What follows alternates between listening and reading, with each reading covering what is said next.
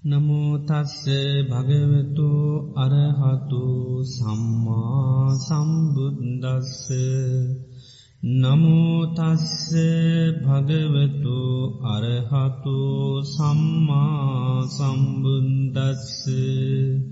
නමෝතස්ස භගවතු අරහතු සම්මා සම්බුද්දස්ස.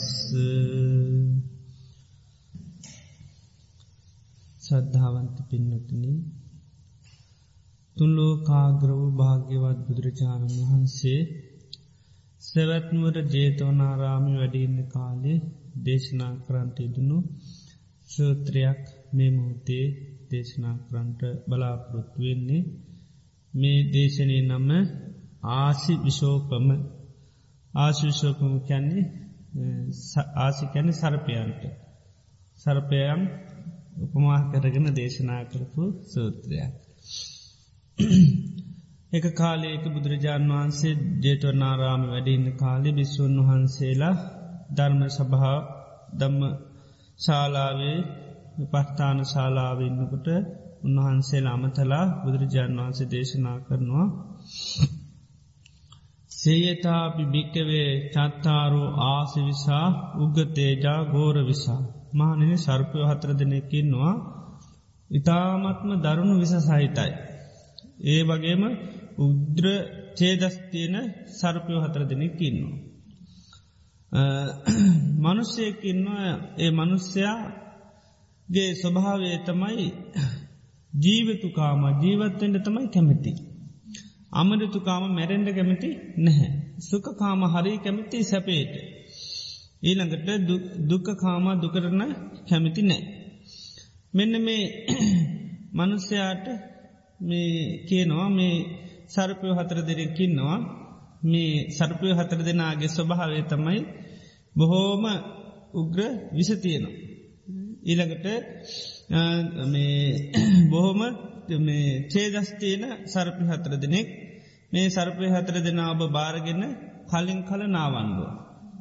ඊළඟට කලින් කල්ල කෑමබීම දෙන්ඩෝන්. කලින් කල නිදාගන්න ටෝඩ. හැබැයි මේ සර්පයෝ හතර දෙනාගේ මේ එක්කෙනෙකුට හරි යං අවස්ථාව කඩු පහඩුවක් කුරුත්නම් දෂ්ට කරනවා. ඇප පත්තාන කරා කියලා එහෙම මේකක් නැහැ. යම් වෙලාවක කිපුරුණුත්නම් දෂ්ට කරනවා දහෂ්ට කරොත් ඔයා එක්කු මරණයට පත්වෙනවා මරණාසන්න දුකට පත්වන නි සබට කරන්න දෙයක්ත්ති නොන වහාම කරගන්න කිව්වා. සර්පය හතර දෙනෙක් උපත්තාන්ට ලැබෙනවා.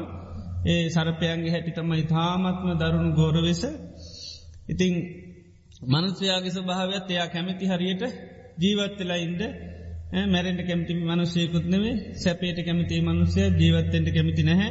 හැබැයි මේ උපස්ථාන කරන්න දෙන සර්පය හතර දෙනා නිතරම ඇපපස්ථාන කරන්න ඕනි. කාලයන් කාල්ට නාවන්ඩෝනි කෑම දෙන්නඩෝන් නිදිකරවන්ඩෝනි හැබැයි මේ මොනවා කරත් කිපිච්ච වෙලාවකත් දෂ්ට කරන. ඒ නිසා කියනවා ඉතින් එතවට වෙන්න මොකදයා මරණයට හෝ මරණාසන්න දුකට පත්වෙනවා ඒ නිසා කරගන්න යමත් තියෙනන වහාම කරගන්න කියලා කියෙන්. ඊට පස්ස මේ මනුස්්‍යයා මොකද කරන කල්පනා කරන බලන මේක හරියන වැඩන්නෙවේ මේ උපත්තාන කරකරීයට බෑන නේද. මේ කේන්තිකිවත්ම දෂ්ට කරනවන. එතොට මැරනෝ මරණසන්න දුකට පත්‍ර ඊට පසමකත වෙන බයවෙන බයවෙල අත හැරල දුවනු. දුවනකොට මේ දැ එයාට ආයමත් ළඟට එවිල්ල කියනවා දැන් ඔයා දුවනකට අන්න සරපු හතර දෙෙන පස්සෙන් පන්නනවා. ඒවා ඉතරන්න නෙවේ මේ ඔයාගේ මේ හතුරු පස් දෙනෙක් අඩු ඇරගෙන දැන් පන්නනවා. දැ දුවනවන මේ දුවන් හින්ද අල්ල ගන්න. අන්න පස්සෙන් පන්නගෙන එනවා. මේ දුටු තැන මරන්ඩ මේ දැම් මේ වදකයෝ පස් දෙනෙක් කෙනවා එනිසා කරගන්න යමත්තින ඉක්මට කරගන්නක ලේට පස මේ මනුස්්‍යයා බුදුරජන් වස දේශනා කරනවා දැන් සර්පය හතර දෙනාටමත් හොඳටම බයිව. ඊළඟට මේ තමන්ගේ සතුරු වදකයෝ පස් දෙනාටත් බයවෙලා බෝම වේගෙන් තියෙන පුළුවන් ජවය දාලා දැන්දුවනු.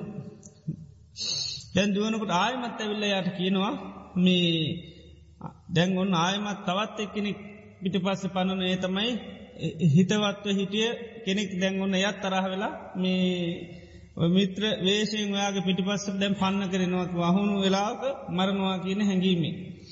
ඊට පස්සේ දැම් මෙයාට දැන් බය තුනයි. ඒකත් තමයි සර්පය හතර දෙනෙ පන්නනවා පිටිපස්සේ.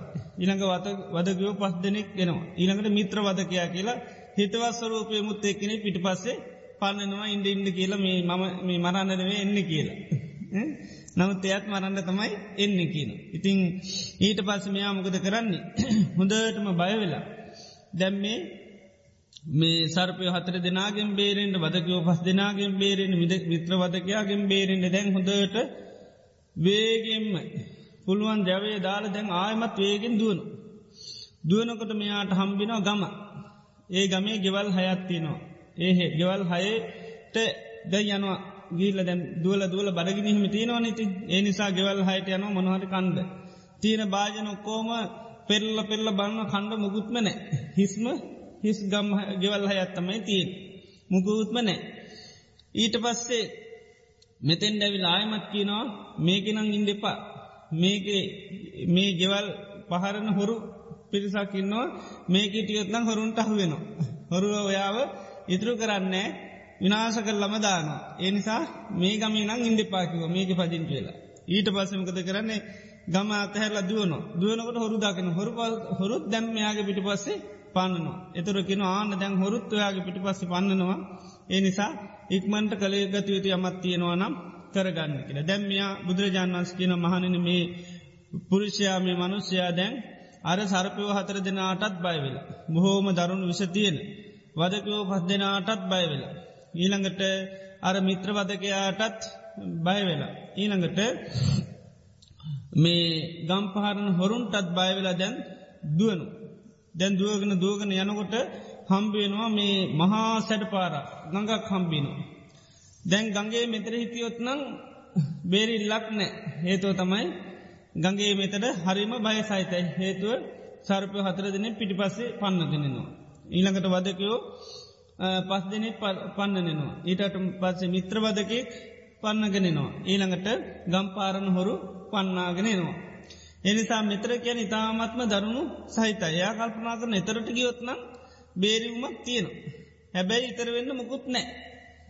පාල්මක් නැවක් බෝට්ටු මොකුත් නෑ. එනිසා එයා කල්පනා කරන මං මේකින් ගොම රේතරෙන්ඩ ඕනි කියලා වටේ පිට තියන කෝටු කෑලි අරුවම ටිකක් එකතු කරගන්න චූටි පවුරක් හදාගන්න. පහුරක් කර හදාගෙන අත් දෙකින් දැම් හබල් නොකුත් නෑ. අත් දෙකින් හබල් ගාගෙන බෝමමාරුවෙන් එයා පරතෙරට යන. එතරට ගියාට පස් යන්න ගොඩබීමට ගියම් පසේ දැන් ඔන්න අර සරපයෝ හතර දෙනාගෙන් එයා බේරුණ. ඊළඟට වදකයෝ පස් දෙනාගෙන් බේරුණ. මිත්‍ර වදකයාගෙන් බේරුණ. ගම් පාරණ හොරුන්ගෙන් පාරුණ දැන් එයාට අර තිබුණු බයඔක්කෝගෙම නිදශර නිදහස් පුද්ගලය බවට පත්වෙන. තින් බුදුරජාණන් වහන්සේ දේශනා කරනවා උපමාකෝ ම්‍යායම්භිකවේ කතා අත්තස්ස විඤ්ඥාපන මේකම උපමාවක්. උපමාවත් දේශනා කරේ අත්තස්ස විඤ්ඥාපනාය අර්ථය දැක්වීම සඳහා. නිතරම උන්වහන්සේ මේ අර්ථය අවබෝධ කරගන්න උපම හරියට පෙන්න්නන. අර්ථ පෙන්නන්න. මොකද අර්ථය වටහාගත්තොත්තම ඇරගැන්නේ අත්තූප පරිකත්තිය සති දම්මාන නිජ්්‍යහනක්කමති ධර්මය වැටහෙන්නේ අර්ථ විමසනකොට. මේ අර්ථ විමසන්න තමයි මේ උපමා පෙන්න්න. මම එදත්කිවේ නිතරම සාපේෂිත ඒ වගේ ස්වභාව දෙයක් පෙන්න්නන එතොට ඒක ස්වභාවය දන්නවන ඒ ස්වභාවේ දැනගත්ත ගම අන්න වටහා ගන්න පුළන් මොකක්ද කියලා. තීළඟට දේශනා කරනවා අයන් අයංචේවෙත් අත්තු මේක තමයි මේක අර්ථය. චත්තාරෝ ආසිවිසා ගෝත උගචේදා ගෝර විසාතුකෝ භික්කවේ චතුන්නේත මහාභූතානං අජිවචනං. සර්පයෝ හතර දෙනා කියන්නේ සතර මහා ධාතුන්ට කියන නමක්කින්. සර්පය හතර දෙනා තමයි සතර මහා ධාතු මනවද පටවී ආපෝ තේජෝ වායු. අන්න මේ සත්‍රමහා ධාතුන්ට කියන නමත්තමයි මුකුන්ද සර්පයෝ හතර දෙනෙක් කියලා කියන. දැන් අපිට දැන් අපි දැන් අර පුරුෂයා වගේ තමයි. අපේ ස්වභාවමකක්ද අපි සැප කැමති. දුක පිළිකුල් කරනවා ජීවත්තෙන්ට තමයි කැමති මැරෙන්ට කැමති නෑ ඉති අපිටත් ඔන්න සරපය හතර දෙරෙන් දැන් ලැබිල උපස්ථාන කර නේද සතර මහාධාතු තමයි දැන් අපිට ලැබිල තියෙන උපස්ථාන කරන්න ලැබිල ඉන්න සරපය හතර දෙන්න. දැන් සරපයන්ටගේ තියෙන ස්වභාවේ තමයි සාමාන්‍යෙන් කොළගනු සැලකිල්ලක් නෑ කියන. ගනකුල සැලකිල්ලක් නෑ. අනිත් පැත්තිෙන් සරපයන්ට විශේෂත්වයක් නෑ. දැන් සරපයෝන්ට මේ මෙයා බොහොම සිල්වත් කෙනෙක් මෙයා ගුණුවත් කෙනෙක් මෙයා කුළුවත් කෙනෙක් සරපයන්ට විශේෂත්වය නෑ කිපුණ කාටත් දෂ්ට කර. ඒ වගේ තමයි මේ සතර මහාධාතුත් එහෙමයි. විශේෂත්වයක් කාටවත් නෑ. කිපුණ කෙනාට තමයි දෂ්ට කරන්න. ඉතින් මෙයා සිල්වත් ගුණුවත් මෙයා බොම මේ කෙලෙස් නැති කෙනෙක් එහෙමනේ. කාගේ සරේ ධාතකපුන දෙයට දෂ්ට කරන එකන දැ බුදුරජාණන් වහන්සේලා වැනි උතුමුල් ලෙඩ වෙනවා නේද. දැ විසේ සත්‍යයක් නෑ. අනි බුදුරජාන් වන්සේ නිසම ගූත් කරන්න හොඳ නෑ කියලා එහෙම එකක් නෑ. කිවිච්චිකවන් දෂ්ට කර. එත ඒකන බුදුරජාන් වන්සේට ලේ පාචනි හැතුනා ඒ වගේ අසනීපකං හැදුන. රහතන් වහන්සේලාට අසනීපකං හැදුන. මොකද සර්පය වගේ මේ ධාතුහතරකැන් සරපයවත සරපයන්ටයි මේ විසේ සත්‍යයන්නෑ වගේ තමයි මේ ධාතු හතරටත් එහෙම විසේ සත්‍යයක් නෑ. දැන් අපි හොඳට බණ භාවනා කරගෙන හිටියයි කියල එහෙම විශේසලකින් ලක් නෑ. හෙට මොනහරි දොස්කිපුරත් සමට ඔන්න පිළිකාවක් හැදෙන පුළුව වක්ගඩුවත් දී වෙලා කියන්න පුළුව මොකද සර්පයෝනි අපි උපස්ථාන කරන්නේ. සර්පයන්ගෙන් ඇයි කිවන් මේක කියනවනේ. කිපුණු වෙලාව දෂ්ට කර. ආය උපස්ථාන කරනවා කියල කතාවක් නෑ. ආනේ ගනේ මට මිච්චර කල් උපස්ථාන කරයි කර සරපය හිතන්නේ නිදි මේ නින්ද නින්ද නිමත වෙනකට නින්ද දුන්න ඇතුනොත්තේ ඔන්න දෂ්ට කරපු මේ අයත් එහෙම තමයි. ඔන්න නාන වතර ටික වැඩිුණොත්තේම මොකද කරන්නේ? දෂ්ට කරන කනාහාර වැඩිුණොත් ඔන්න දෂ්ට කරන නේද? ඉන්න ඉරියවටික ඔන්න එහෙම වෙනක්සුන ගම ඔන්න දෂ්ට කරන. ඉතිං අර සර්පයන් කළගුණ දන්නය වගේ තමයි මේ ශරීරයට තෙම කළගුණ සැලකිල්ලන්නේ දැහැමදාම මේ කලින් කර නාවනව කවනුව පෝන ෆුල්ලු පත්තානන. දැන් මේ දේ පත්තාන කරයි කියල සලකනවද දැන්? දැන් කිසි පැලකිල්ලන්නේ දැන් පොඩ් පදවෙච්චිකන් ගානව නේද? ඒ කියන්න ඒකයි. සරපය අතර දෙනෙක් වගේ දකිින්දකි නොමේ පංචුපා මේ සතර මහාධාතු කියන්නේ අන්න සර්පය හතර දෙනෙක් වගේ අවබෝධ කරගන්න කියන. එතොට අපට හොඳටම තේරුම් ගන්න පුළන් සර්පයන්ට ඇප පත්තාර කරලා හිද්දිනාගන්නන බැහැ ආනකයි. මොකද කළගුණ සෑර්කීව සර්පයන්ගෙනෑ. ඒ නිසා මේ සතර මහා ධාතුත් ඒ වගේ අවබෝධ කරගන්න කියන. එතට පටවී දහතුව කියල කියන්නේ මොකක්ද. මේ ශරීරයේ පටවිධාතු දෙකත්තිනේ තමයි අජ්‍යත්තිකා පටවීධාතු බාහිරා පටවීධාතු ආධ්‍යාත්මික පටවීධාතුව කියලතිනවා බාහිර පටවීධාතු බාහිර තියෙන පටවේධාතු කෙ එකත්තින ආධ්‍යාත්මික පටවේධාතු කෙළ එකත්තියනවා.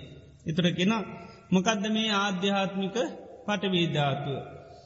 අජ්‍යත්තන් තමා තුළ පච්චත්තන් තමා කියල සලකන. උපාදින්නක් හිත බැඳිල ගීල තියෙන. කෙස් ලොම් නිය දත් සං මස් නාර ඇට ඇටමිඳුළු වකු ගඩු අක්මාව හදවත ඊළඟට දළබුව කුඩාවල් බඩවැල් මහා බඩවැල් හිස්මොලය කියන මේ ශරීරයේ යම් තදගතියෙන් ගොරෝසු ගතියෙන් යුතු යමක් ඇද්ද. පොලෝට පස්වෙන සුභාමේ යමක්ක දේවතමයි අන්න පටවී ධාතුව කියල කියන්න. එතොට යම් ආධ්‍යාත්මික පටවීධාතුවක් ඇද්ද බාහිර පටවීධාතුවක් ඇද්ද පටවීධාතු රේවේ සත් දෙකම එකයි. දෙකම එකම ස්භාවී යුත්ත දෙගත්තම ආධ්‍යාත්මිකත් බාහිරත් තියෙන්. දැන් අපි කෙස්ටිකක් දානවා පොළවට. ගල් වෙනවාද පස් වෙනවාද. පස්වෙනවන නේද.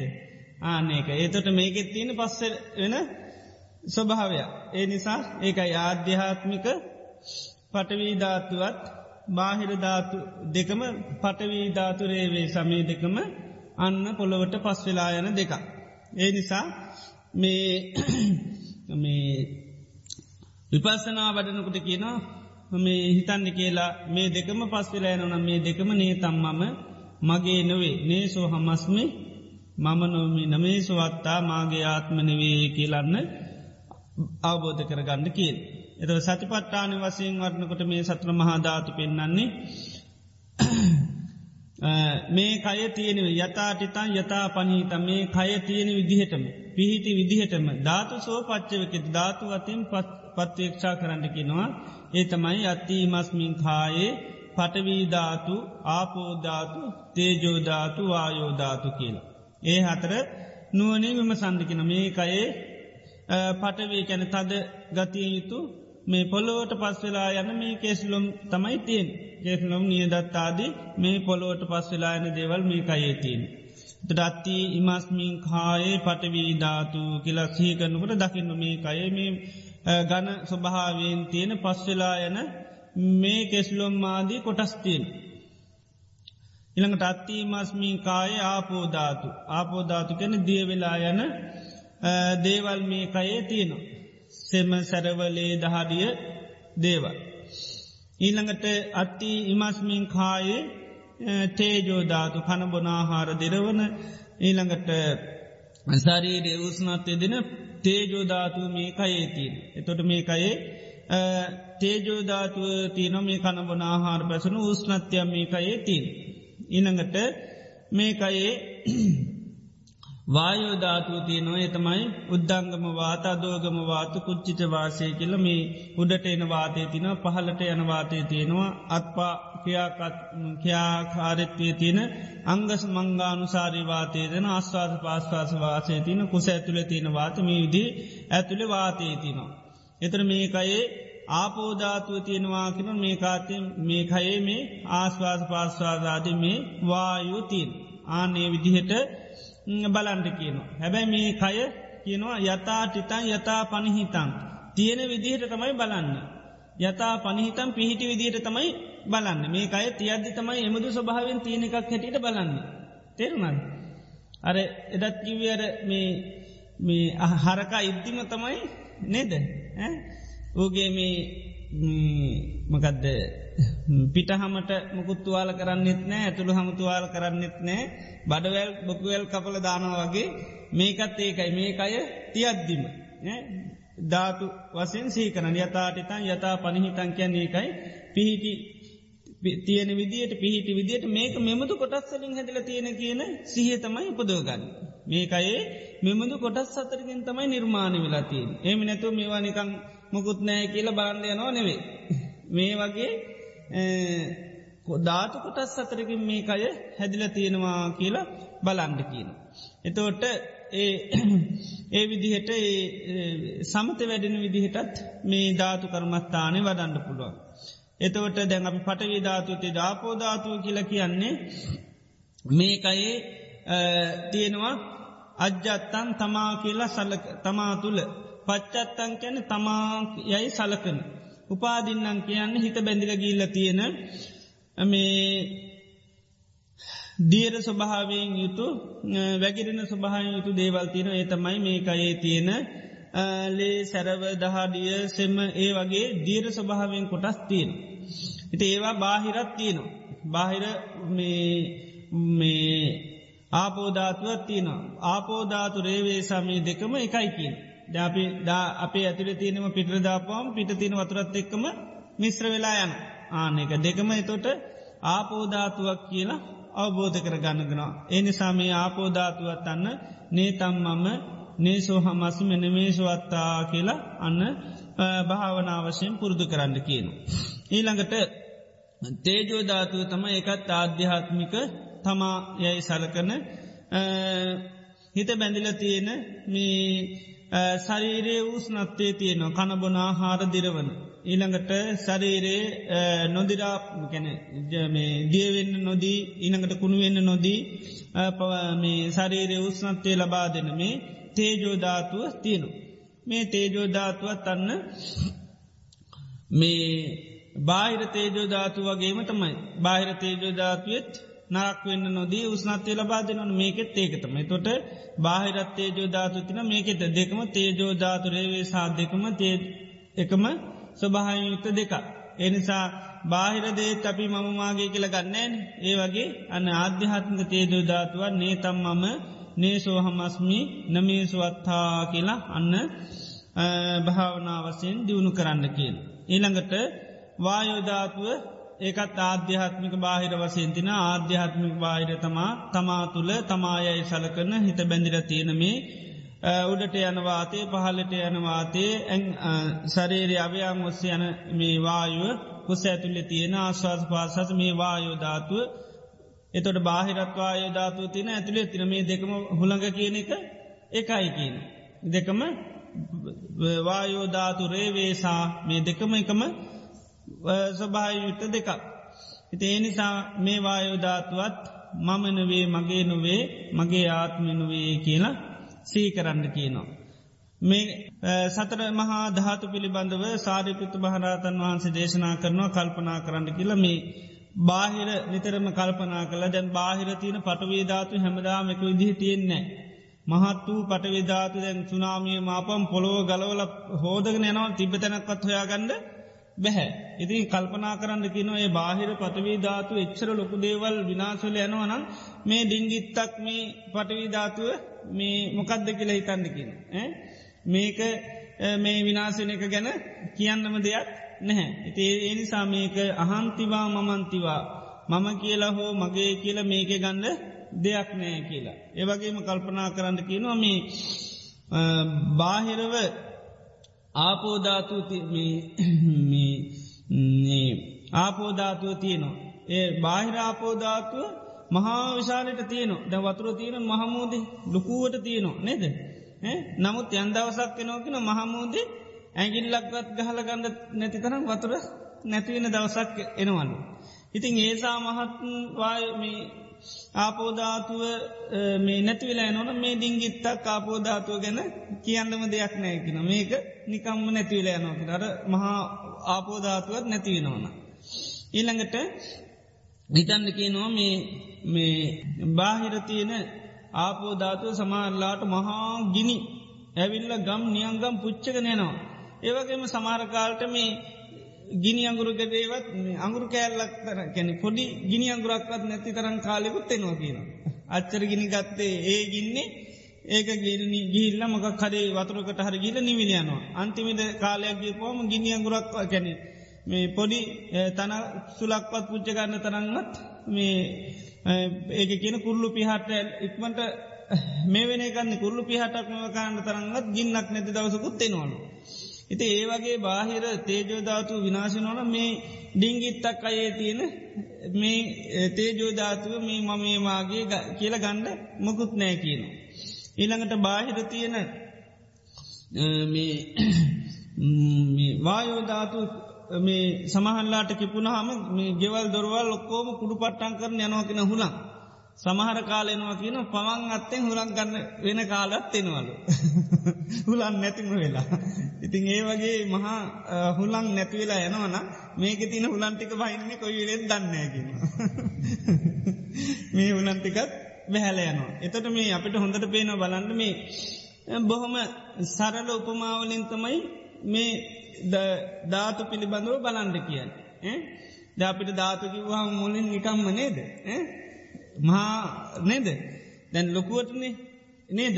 දැම් බලන්න මෙතන පෙන්න්න ඇත්තට බොහොම සරල උපමාවලින් කියනවා. බුදුරජාන් වන්සේ ත්‍රාහුල ස්වාමන් වන්සට කියන පටවී සමයන චේතසා මේ පොළොව හා සමාන හිතකින් මේ පොළොවට මොනුවත් දැම්මට පස්්නයන් නෑන පොළොව මේ හොඳ දේවා දැම්මයි කිව නරක දේවල් දැම්මයි කියලා කිසි මේ එකක් නෑ තමමුත් පොළොවගේ හිතන මේකත් පොළොවක්නේ මේ පොලොට ඇති මොනව දැම්මත් කමන්නේකි නත ගානෝ ගල්වලින් ගහන නේද. ඒවට අර මහපොලෝ වගේ හිතන්ඩ කියනවා. මේ පටවේ සමීන චේතසා ආපෝ වගේ හිත දියුණු කරන්න කියන තින් ඔය වතුරට මිනිස්සු මේ විවිධ දේවල් හෝදන වතුරට කිසි ගානක් නෑන හොඳ දේවල් හේදුවයි කියලා උද්දාමයට පත්වෙන්නේ හෝ නරක දේවල් හේදුවයි කියලා. මේ කලකිරන්න මොකුත් නෑ. ඒ ඒ වගේ තමන්ගේ හිතත් මේ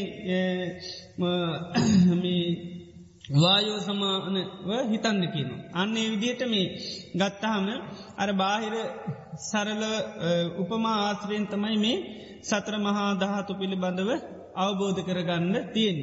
දැම් මේවා වචන වස්සයෙන් අපි කොච්චර ගැමුරු කරත් වැඩක්නෑ.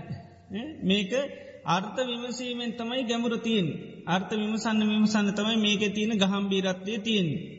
දැන් ලුණු කැඳ වගේ. දැන් ලුණු කැඳ සරලයින නේද? අපි දැන් ලුණු කැඳ ගැඹුරු කරයි කියල හරියන්නේ නේද? දිනු කැඳට මධි තීන ටික. ලුණුයි බතුයිනි අපි ඕකට තියෙන ජාති ගොඩ්ඩ දාන. ජාති ගොඩත් දීල ෆෝනවා කාට ඊට පසුක දෙන්න දිරව ගන්න පුළුවන්ද? බැහැනි නේද? දැම් මට පෙවොත්තෙම ගොඩ ජාති දීලම ලුණු කඳ මදි කියලා නේද? මට දිරව ගන්න වැරවෙනවා නේද? ගොඩා ජාති දාලම ලුණු කැඳ සරල වැඩී කියලා නේද?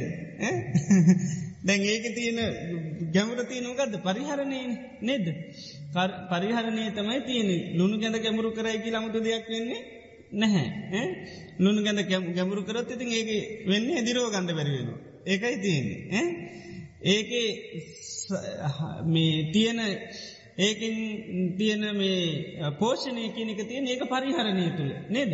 කාලය අතේශ අන්න පරිහරණය කරනකට ලුණු කැනීම ජීවත්වයෙන පුළුවන්ගතිය තියෙනවා. ආන සරල වුනාට දැවක අපි ගැමුරු කරල කාටහරි දුන්නට වැඩ නෑ හරි මදිකි අපි මිනිසු ලුණු කැඳ බොන්න ඇකි අපි ලුණු කැඳ පොවන්න ඕන කියලා මේක ගැමුරු කරන ලුණු කැඳ. මේ ලුණු කැඳවලට ටිකක් විශේෂ නම් මනන් දේවල්ටික ගොඩක් දාන දාලා අපි දැන් ලුණු කැඳ පිළිබඳ ගමකට ගිහිල කියනවා. එතට ගම මිනිසි අපම අපිට කොයින්දුව කියනව දාන්නේ? අපිට තේරෙන්නේ කියයි නේද. අපිට ඕක හදාගන්න වෙලාකුන්න තින උච්චර දේවල් දාන්න අපිට ඇත්තෙත්න නේද? ආන්නේ වගේ. වෙන්න මොකද? ලුණු කැඳ ගැඹුරු කරොත්තේම කවුරුත් පුුණ්ඩ කැමති වෙන්නේ නැහැ. ඒ නිසා දැන් අපිට තියෙන ලුණු කැඳ සරලයි. තේරෙ නොහදාගන්න හැමෝටම් පුළුවන්. නමුත් ලුණු කැඳ පරිහරණය කිරීමේ තමයි පෝෂණය තියෙන්. ආන්නේකයි කාලයක් පරිහරණය කරනකට තිනේ වගේ තමයි මේ වමේ ලොකුවට ගැමුරු කරලා කිව්ව කියලා ලොකු මේකක් නෑ. මේක තියෙන් අන්න අවබෝධ කරගන්න අර්ථවිම සන්දෝන් අන්න අර්ථවිමසීම තමා තුළ තමයි මේක අවබෝධ කරගන්න තියෙන එකයි මේ රහතන් වහන්සට බෝම සරලෝපමා පෙන්න්න නෑ. දවායෝ ගැන කියනට හට ලස්සන නේද? පුළඟ හමුණුවලු ගලෝගන යන්න අන්තිමෙන උලන් නැති වෙලා පවන් අත්තම තුළක් එනවා. ලේවගේ මේ කයේ තියන හුලන්ටිකත් එමයි කියන ලොකුවට තියනවගේ පේන කොයිවිලෙත් දන්නේ? උලන්ටික යන්නේ. ඉති බලන්නනේ සරලන්නේ. ආනක එක ඉතින් අර්ථ විම සඳ කියන ආන්න එතවට මෙමදු මේ වෙනස් වෙලා එන බාහිරුලම් මිතරෙක්ම ලොකුව වෙනස්වරන මේක වෙනස්සෙන ගැන කියන්න දෙයන්න ඇති මේ වගේ දෙයක් ඇයි මම කියල මගේ කියන මට අයිති කියලා ගන්න කියල විමස බලන්න කියන. අන්නේ විදියට මේ අර්ථ විමසීම තම තුළ තමයි අර්ථ විමසන් විමසන්න තමයි අර ලුණු කැඳ පරිභෝජනය කරන්න කරන්න තමයි පෝෂණි තියෙන් ඒවගේ තමයි මේ අර්ථ විමසන් විමසන්න තමයි යන්න අපිට පුළුවන්කම ලැබෙන්නේ. එනිසාමේ දැන් ධාතු කර්මස්ථානය වන්නකට දැන් බුදුරජන් වන්ස කියල තියෙන ධාතු අපිට මදි. දැන්කී නොන හිතන්න කියල කියනකක්ද. අත්ති මස්මින්කායේ පටවීධාතු මේකයේ පටවීධාතුව තියෙනවා කියල සීකරන්න කියල. එතොට කියන්නේ යටාතිතා යතා පනත මේක තියෙන විදිහට මේකෙක් මකුත් කෑලි ගලවල මේ අයින් කරලා නෙවේ ඒකයි තියෙන විදිහයට පිහිටි විදිහට සංඥා විතර වෙනස් කර ගණ්ඩුවනි අර කියන්න උපමාවට දැන් හරක් මරණ වනුසේක් හරකෙක් මල්ල චාතුම් මහාපතේ ඊට පස්සේ හරක ගලවලා ඊට පස්සේ අයට වෙන්ෙන් කරල මස්්‍යකුණන අර එතකොට මේ ආන්නේ වගේ මේ අය මේ කොටස් සතරෙන් තියෙනවාගෙන අවබෝධය තමයි ඇති කර ගණ්ඩෝන ඒකට තම අත්තිී මස්මින් කායේ පටවීධාතු මේ අයේ පටවී ධාතු තිරතර අපි දන්න පටිධාතු කැනමකක්ද කෙස්ලුම් ආදී මේ කොටස් මේ අයේ තියනු. නිළඟට තේජෝධාත වායෝධාතු ආපෝධාතු කියන්නේ දියවෙන ස්වභාවයුතද මේකය තියෙන. තේජෝධාතු මේ මේකය උස්නත්තේ තියෙන. ඉළඟට මේකයේ තියෙන්නේ වායෝධාතුක හුස්ම. ඉතේ මේ හතරෙන් හැදිත්ති දෙයක් හැටිට තමයි අන්න කය පිළිබඳව අන්න මේ සිහි කරන්න කියන. ඒක තමයි කර්මස්ථාන දීලා තියෙන. ඉති අපි ඕකට ලොකූක වචන දාලා අරුවමව කිවොත්තහෙම ඊට පස තේරුම් ගන්නව. අන්න ඒකයි වෙන්නේ. නේද? ලුණු කැඳට අනම් මනන් දැම්මාම ඊට පස ලේසින් හදාගන්න බැරි කෑමක් කනවාගේ තමයි මේකට වැඩි වචන දාගන්නකිවත් පස්්නේ දැන් දීලතින කර්මස්ථාන ඒක තමයි. අපිට තියෙන්නේ සද්ධාවෙන් පිළි අරගෙන ධාතු කර්මස්ථානය වඩන්න කැමිතිනම් හොඳර සහ පීටෝ ගන්න ඊට පිහිටගෙන අත්ති මස්මින් කායේ පටවී ධාතු ආපෝධාතු තේජෝධාතු වායෝධාතු ඒක තමයි අන්න නැවත නැවත සීකරන හිමීට. එතොට පටවේ ධාතුති කියනකට මේ ගය ගනත්තය යුතු මේ කෙස්සාදී කොටස් මේ තියෙන් ඊළඟට මේකේ දිය වෙන ස්වභාව යුතු දේවල් තියෙන් ඒවන්ට මේක හැදිල තියෙන් අන්න. මූලික කොටස් සතරකින් හැදිල කියලා. ඒකයි ධාතු. ඉදේ තොට තෝරනකොට අමුතු දේවල් කියන්න පටිවිධාතුව කියලා අපට නොතේරනමුකුත් නෑ නේද? තේරණීවතමයි තියෙන්නේ. මොකක්ද ආධ්‍යාත්මික පටවීධාතුවතම අජ්‍යත්තම් පච්චත්තන් අජ්‍යත්තන් කියන තමා තුළ පච්චත්තන්කෙන් තමා කියල සලකනඉන්න උපාදින්නකෙන් හිත බැඳිල තියන්. කක්කලංකය බෝම කරකස ගුරුසු භහයුතු දේවල් ඒ තමයි මනවද කේසා ලෝමා නකාදන්තා කියල කියන්න ඒව තමයි පටවීධාතු. එතකොට අප අර පටවීධාතු ගැන් සීකරනොගැන අන්න මේ ස්වභායි මේ වගේ ගනත්තයෙන් යුතු පොලෝට පස්සෙලායන මේ කොටස්තිය වලින් තමයි මේකයි හැදිලතිය. ඒක තමයි බලන්න තිීන්. අපිට නොතේරන විශ්මිත ජනක දෙවල් බලන්න යන්න පට විධාතුව කියලා ආපෝධාතුව කියලත් එෙම තේජධාතුව කියල වායධාතුව කියලා අපට මේ නොතේරෙන දේවල් සීකරන්න යන්න දන්න දෙයක්ත්තමයි අන්න සීකරන්න. හිතේ විදියට කාලයක් මෙව කරනකොට අන්න සිහ පීටනවා. අන්න මේ කයේ තියෙන්නේ මේ වගේ ධාතු කොටස් වලින් යුත්ත ටිකක් කිය. ඊළඟට බුදුරජාණන් වහන්සේ දේශනා කරනවා මේ අර පංචවදිකා පච්චත්තිකාතිකෝ භික්කවේ පංචන්නන් උපාදාන කන්දානං අධිවචනං එතර මෙතන කිව්වා වදකයෝ පස් දෙනේ පස්සෙ පන්නනෙනවා කියලා ඒ තමයි පංචුපාදානස්කන්දයට කියන නමක්කිනවා. රූප වේදනා සංඥා සංකාර විඤ්ඥාන කියන මේ පංචුපාදානස්කන්දය කියන වදකයෝ පද්ධනෙක් වගේ කියන. මේ සතුරු වදක පද්ධනකට අහුනත් මොකද වෙන්නේ. බෝම වදදිදී දුක්දී වදකයෝ ගැන වද දෙනවන ආනේ වගේ තමයි මේ පංචුපාදානස්කන්ධයත් අපිට බොහෝම වද දෙන එකක්.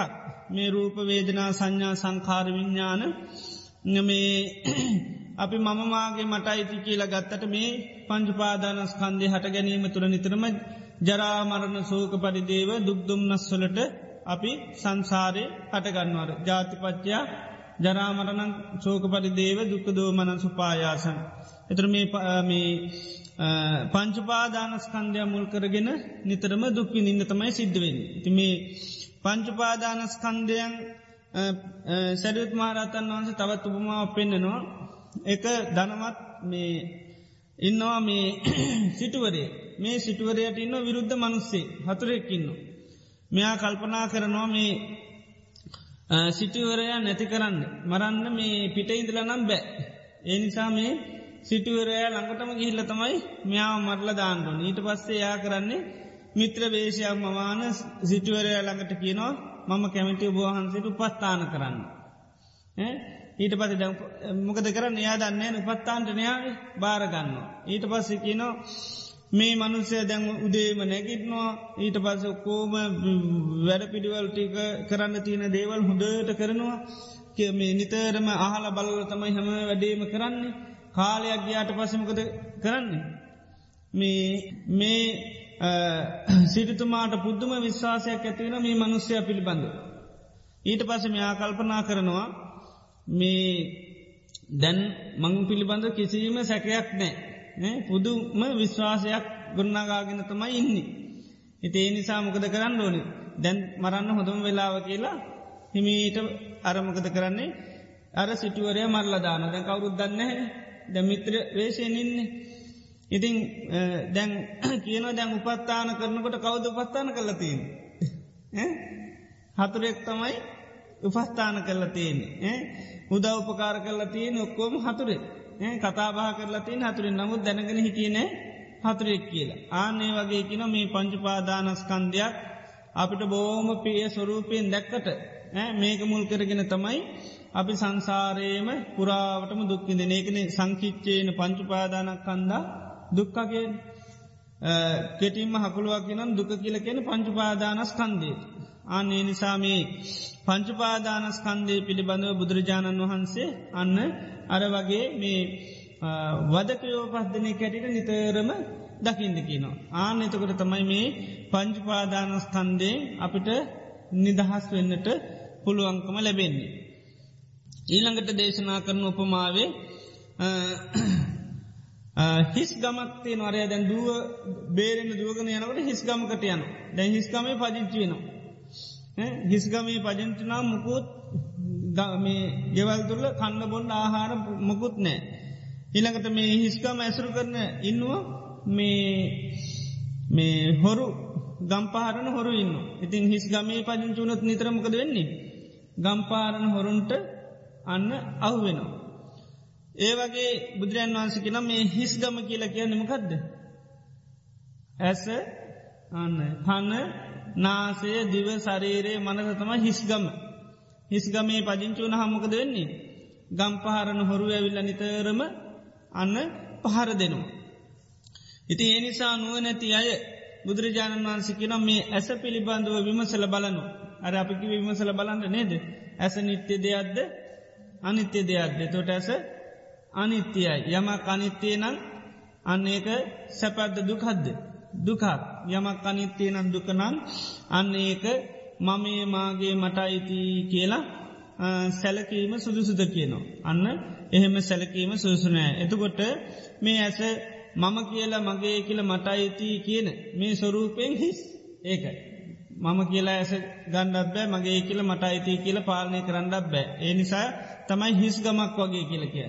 මේක පජින් කියලා හිටියට වැඩක් නෑ. පජින් කියලා හිටිය නිතරමක දෙන්නේ. ගම්පාරණ හොරුන්ගෙන් අන්න මේ බැට කණ්ඩ වෙනවා. ගම්පාරණ හොරු කවුද. රූප සද්ධ ගන්ධ රස ඉස්පර්ශ කියන මේ පහතමයි ගම්පාරණ හොරු හොරුන්ගේ වැඩේ නිතරම් පැහැරගන්නකන දැන් රූප මොකරගන්න අපේ හිත පැහැරගන්න ඊට පද රූපට බැඳලට පසුකද වෙන්නේ ආ ඒකින් ඉතින් හොඳටම ඊට පස්ස ඉතින් තලනවා. නේද? සද්ද වලට බැනිලේ ඔන්න සද්‍යයක් ඇවුන් ගවන් ඇතුළින් හොඳටම පහරද නොනේද ඉතිං ඒකට උපමාව පෙන්න්නනවා මේ යව කලාපී කියලා සූත්‍රයක මේ යවකරල් මිටියත් තියනවා. යවකරල් මිටියට මේ පොළු පහක් ඇරග නැවිල්ල පුද්ජලිය පස්දනෙන්ම තලනවා.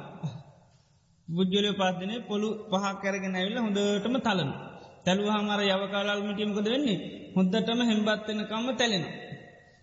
තැලුනට පස්සේ මේ තවත් කෙනෙක් ඇවිල්ල තවත් පුද්ජලය කැල ආයමත් මේ පොල්ලගින් තලන. ඒ වගේ කියලා කියන මේ ජීවිතේ අපි නිතරම ඇහැට දකින රූපෝස්සේ හොඳටම බැටකන. කනට ඇහෙන සද්ධ්‍ය ඔස්සේ නාසයට දැන ගඳ සුවඳ ඉන පස දිවට දැන රස කායට බැන්න පහස ඔත්සේ හොඳටම ජීවිතේ ඇ පොළු පහරවල් කනවා වගේ තමයි කනට හොඳට දෙයක්කිව හොඳට වදිනවන නේද ඇහැට දෙයක් දැක්කහම ඒ වගේ මේ ආයතනෝස්ස අපි හොඳටම බැටකනවා. ඊට පස්ස හත්තෙන කෙන තලනවාගේ තමයි ආය උපතක් පාර්ථනා කරනවාක ඒ වගේ. තා පාරක් අර තැලිල තැලිට තවත් තලාගණ්ඩ තැලිචිටික තව තලනවාගේ තමයි කියනවා මේ ආය උපතක් පාර්ථනා කරනවාක මේ වගේ කියන. මේ ඒ නිසා මේ හිස්ගෙවල් හැටියට දකිින්ද කියනොමේ ආයතන. රූප සද්ධ ගන්ධ රස ස්පර්ශ කියන පංචකාමී දකිින්ට කියනවා ගම්පාරණ හොරු හොරුන්ට අහුනොත්තේම ලේසියෙන් බේරෙන්න්න පුළුවන්කමක් නෑ හොරු කියන පැහැරගන්න පිරිසන්න ඒවගේ තමයි රූප සද්ධ ගන්ධරස ඉස්පර්සි කියන පංචකාමයක මේ අපේ හිත පැහැරගන්න පැහැරගත්තාම තමයි අපට හොඳටම වද දෙන්න. දැම් සංසාරෙන්දල ඔන්න පැහැරගත්තයෙන් තම පොඩිකාලින්ද ඉගෙන ගන්න නේද. ඔන්න වදේ පටන් ගන්නවා නේද. ඊට වත්සේ ඒ සඳහා සාමාන්‍යෙන් පුළුවන්ද බෑන නේද ගොඩාක් දුක්මාන්සල ඉගෙන ගන්න රැකී රස්සා කරන ඊට පස්සේ. මේ වෙලහෙන දාං කරන විවිධාකාර දේවල් කරන ඊට පසමකද වෙන්නේ. ඒවා නිසා සීතලෙන් උණුසුමෙන් බඩගින්නෙන් පිපාසෙන් අනන්ත දුක්කිනින්ද වෙනවා. ඊළඟට ගර්ධන තර්ජන නින්ද අපාසකිනෙවයනම් කෙරවරක්ම නෑ. ඒ ඔක්කෝ මර ගම්පාරම් හොරු දෙන වද තමයි. හිත දැන් රූප විසින් පැහැරර. ඉතින් දැන් මේ රූපත් එක තමයි ජීවත්තෙන්ඩුව. රූප නැතුව බෑ. සද්ධ නැතුව ජීවත්වෙන්න බෑ සද්ධෝලින් අපිව පැහැරරන්තින්නේ. ඊළඟට ගඳ සුවදින් අපිව පැහැරරගෙන රසයට පැහැරරගෙන. දිව අපි පැහැරරන් තිීන් දැන් හොරුන්ට අහුවෙල තිීන්. ඒ හොරුන්ට අහුවෙන කොහේ පදිංචල හිටියහමද. ඇස්වල පදිංචල හිටියහම තමයි. දැන් තන්නාව ගැන කියනකට බුදුරජාණන් වන්ස ගැන් සාකෝපනයේ සාතන්නා කත්ත උපද්ජමාන උපජමේ තන්නහාව කොහෙද උපදින්නේ. කත්ත නිවිසමානනිවිස් කොහෙද පජංචිලතින්. යන් ලෝකයේ පියරූපං සාතුරූප මේ ලෝකයම් ප්‍රිය ස්වභාව යුත්ත යමක් ඇද්ද මිහිදි ස්වභාවෙන් යුතු යමක් ඇද්ද. එත්තේ සාතන් නමේ තන්නහාව ආන එතන තමයි පජංචිලයින්න. එතන තමයි මේ හටගන්න ඕනම් හටගන්න. එතර මොකක්ද කියලහනවා ප්‍රියමනාපදේ චක්කුන් ලෝකයේ පියරූපමේ ඇහැ ලෝකේ අන්න ප්‍රියමනාප ගෙවල් දැන් ඇති යනකොට හොරා මේ මනුස්්‍යයා බයින් දුවගෙන යනකොට ඇතම තියනකොට ගෙවල්ටික දැක්කගම හිතන්න දැන්නම් හරි කියලා. මේක පදිංචුනන්න ගැලවිල්ලත් තියනවාගේ. ඒවගේ තමයි අපි ජීවිතයේ දුක්කෙනකට හිතනවා නේද? මේ ඉන්ද්‍රියන්ගෙන්න්න අපිට යමක් ලැබේ කියලා. ආ මේක පදිංචයනවා පදිංචුනුකාම් හොරු තම හිට පස්සේ අල්ලගෙන හොඳටම තලනවා. ඒකයි තියෙන් දැන් ජීවිතේ ඒ දැන් සාමාන්‍යෙන් අපි තරුණ කාලෙහෙම මේකක් නෑ. ඔන්න බැන්දට පස තම හොඳටම ගුටික වෙදන්නේ නේද. දැඟර ඒකනෙකේ දැම්මකුත් පස්්නයන්න නෑකිවයාට කරදර මොකුත් නෑ. මොකද දැන් අරියට ඉන්ද්‍රියම් පිනවට තාම ගීලනෑ. ඊට පස්ස තමයි හොඳ හොඳටම කාලයකනික ඉති වද දෙනකොට තමයි තේරෙන් නේද? ඇල්ලගෙන ගිහිල්ල. ඉතිං ඒ විදියට අන්න බුදුරජාන් වන්සේ අවබෝධය සඳයකම අර්ථ පෙන්න්න මේ හිස්ගෙවල් වගේ තමයි ආයතන ඊළඟට ගම්පාරණ හොරු වගේ තමයි මේ රූප සද්ධ ගන්ධ රස ඉස්පර්ශ ඒවට යට වනහම තමයි අන්න අර හොරු කණ්ඩායන්කොට අහුණා වගේ ලේසින් ගැලවිල්ලක් නෑ වද දිදී වැඩගන්න. වද දිදී වැඩගන්න ලේසින් ගැලවිල යන්න පුළුවන්කම නෑ. ඊට පස්සේ අර කෙනා හොරුන්ටත් බය වෙන. බයවෙලා ඊට පසමකද වෙන්නේ. හොරුන්ගේ මුත් නිදහස්සෙන්ට යනවා යනකොට මහා ගංගාවක් අහුවෙන. ඒ ගංගා කියනවා අර මහා ගංගාව වගේ කියනවා කාමෝග බවෝග දිට්ටියෝග අවිද්‍යෝග කියන මේ හතර අර ගංගා වගේ තමයි කියල්. දැන් එතරට ගියොත් එහෙම පස්්නයක් නෑ. මෙතරට ගිය මෙතර හිටියොත් තමයි පස්නේ. මෙතර තමයි පංචුපාදානස්කන්දේ සක්කාය කියල කැන මෙතර. එතර තමයි නිවන කියන. ඉතිං ඒක එතරට යන්න බැහැ ඕග තියෙන කාමේ නැමති ඕගේට අහුවෙන. ඊළඟට මේ දිට්ටි කැන දෘෂ්ටි නැමති ඕගේට අහු වෙනවා.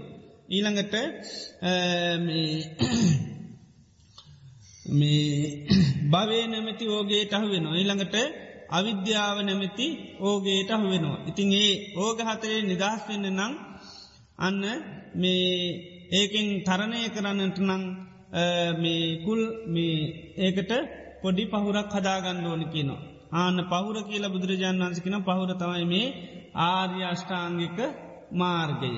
සම්මාදිට්ටි සම්මා සංකප්ප සම්මාවාචා සම්මාකම්මන්ත සම්මා ආජීව සම්මාවායාම සම්මාචජි සම්මා සමාධී කෙන මේ ආර්යාෂ්ඨාංග මාර්ගය නැමති පහුර හදාගන්න කෙන. පවුරර හදාගෙන අර පුද්ගලයා මේ පහුරෙන් මේ එතරවෙන්න අත්දකින් පාදකින් වෑයන් කරලා එතර වුණා වගේ තමයි කියෙන වීරිය කරලා අන්න මේකින් එතර වෙනවාර මේ එතරටගේ පුද්ගලය වගේ තමයි රහතන් වහන්සේ කියයි. අන්න එතොට රහත් රහත් වනාට පස්්‍යර මේ සර්පය හතර දෙනාගෙමුත් නිදහත්. ඊළඟට වදකයෝ පස් දෙනාගෙමුත් වදකයෝ පස් දෙනාගෙන පංචුපාදානස්කන්දයමුත් නිදහස්. ඉළඟට මිත්‍රවදකය තමයි නන්දිරාගේ නන්දිරාගේ මුත් නිදහස් ඊළඟට හිස්ගෙවල් තමයි අර ආයතන ආයතනය මුත්‍රහතන් වහන්සේර නිදහස් ඉතින් ඒක පජින් කියලා ඉන්න ඇති හින්ද ගම්පාරණ හොරුන්ට අල්ල ගණඩ විදිහෙකුත් නෑ. ගම්පහරණ හොරුන්ගෙමුත් නිදහස්. අන්න තින්නෝ පාරගතු එතරට ගිය කෙනා තමයි රහතන් වන්සර පුද්ගලයත් අර සර්පයෝ අතර දෙනාගෙන් නිදහස් වෙලා ඊළඟට වදකයෝ පස් දෙනාගෙන් මිත්‍ර වදකයාගෙන් ඊළඟට මේ ගම්පහරණ හොරුන්ගෙන් නිදහස් වෙලා එතරට ගියා වගේ කියනවා. අන්න මේ ජීවිතය අවබෝධ කරගෙන අරිහත්තයට පත්වනාව රහතන් වහන්සේලා. ඉතේ නිසා අපේ ජීවිතේත් අන්නේ වගේ මේ අර පුද්ගලයාගේ පිටි පස්සෙන වගේ තමයි පංචුපාදානස්කන් මේ සතර මහා ධාතු සරපයෝ හතර දෙනෙක් වගේ දැඟිතින් භාරගෙන ඉන්නවා. මේක ලේසි නෑන අප උපස්ථාන කරන්න නේද. මේකෙන් බාවෙලා නිදහසෙන් ගැනකට ඔන්න අනි පැත්තින් පංචුපාදානස්කන්ද. නේද තඒකත් අවබෝධ කර ගණ්ඩුවන්. ඒ අවබෝධ කරගන්න දෙන්නේ තන් නන්දිරාගේ කැන කැමැත්. ආසාාව ලේසියෙන් ඉඩ දෙන්නේ. ආස කරන්නේම බාහිර ලෝකෙටමයි. ඒකින් නිදශල යනකොට ඔන්න හිස්කවල්ලොල්ට පදිංචේට යන. නේද. ඒකින් හිටියොත්තේම අන්න ගම්පාරණ හොරුන්ට අහුවෙන. ඒ තමයි රූප සද්ධ ගන්ධ රස ඉස්පර්ස. ඒවයි නිදහස්සලගේ පාමත් ඔන්න සමාරලාට මතවාද දෘෂ්ටිවලට බැඳෙන. ඉතින් ලේති නෑ එම නැත්තන් ආයමත් කාමෝගේටම ආයමත් අනි පැත්තිං කරකි ලාය වැටෙන. ඉතිං ඒකෙන් එතර වෙන්න අන්න නං ආර්යෂ්ඨාන්ග මාර්ගය නැමැති අන්න පහුර හදාගණ්ඩකින සම්මාධිට්ටිය සම්මා සංකප්ප සම්මාවාචා සම්මාකම්මන්ත සම්මා ආජීව සම්මාවායාමේ පහුර සකස් කරගත්තුවන්නම් පොඩ්ඩක් ඔන්න වෑයන් කරල කරල කරලා අන්න නිදහස් වෙන්න පුළුවන්කම ලැබෙනවා එතකොට තමයි මේ සංසාරයෙන් එතර වෙන්න පුළුවන්කම ලැබෙන්නේ. තින් මේ නිතරම බුදුරජාණන් වහන්සේ උපමා ආශ්‍රයෙන් දේශනා කරන්න මේ අර්ථය අවබෝධ කරගන්න. දැන් තේරෙනවන නේද. අන්නේ අර්ථ අවබෝධ කර ගණ්ඩයි මේ බොහෝම සරල කරලා දේශනා කරන්න. ගැමුරු කරලකිවොත්තහෙම තේරුම් ගන්න පුළුවන්කමක් නෑ. මේ බුද්ධශාසනය පෙන්න්නන්නේ මහමූද වගේ කියල. මහමූද කියන්නේ බොහොම ගැඹුරු එකක්නේ හැබැයි ඒවනාට කියන මුල ගැඹුරු නෑ.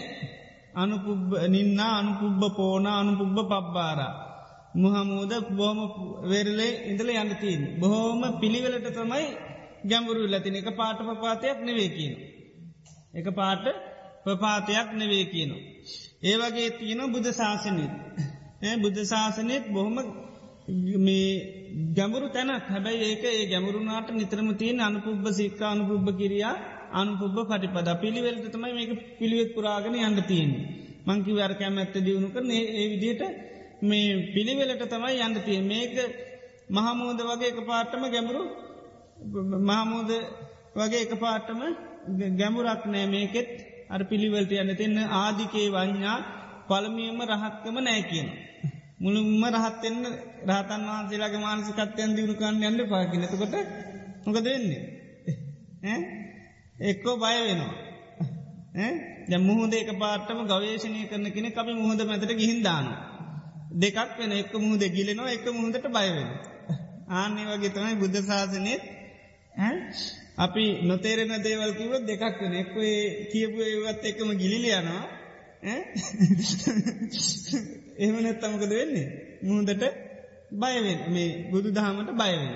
අර ගැමුරු දේවල් කියලා දැම්මුත් නොතේරෙන් ඒවත් එක ගිලෙනවා. ගිලුන්ට පස්ස ඉතින් ගොඩ එන්න ලේසි නෑ ඉගෙන ගන්න බනත් එක්ම තමයි ගිලෙන්නේ. ඒම නැත්තමකද වෙන්නේ අපට වතේරෙන්නෑ කියලා බනට බයවෙන. ආන්නේකයි. එනිසා පිළිවෙලට යන්න කියන ආනකන්න ආදිකේ වඥාකැන එක රහතන් වහන්සේලාගේ මානසිකත්වයන් මුලින්ම ඔල්ලුවට දාගන්න පයිගෙන එතකට බයවෙනයි ආනේකයි. එතකොට තමයි පස්න ගොඩ හැදෙනවා.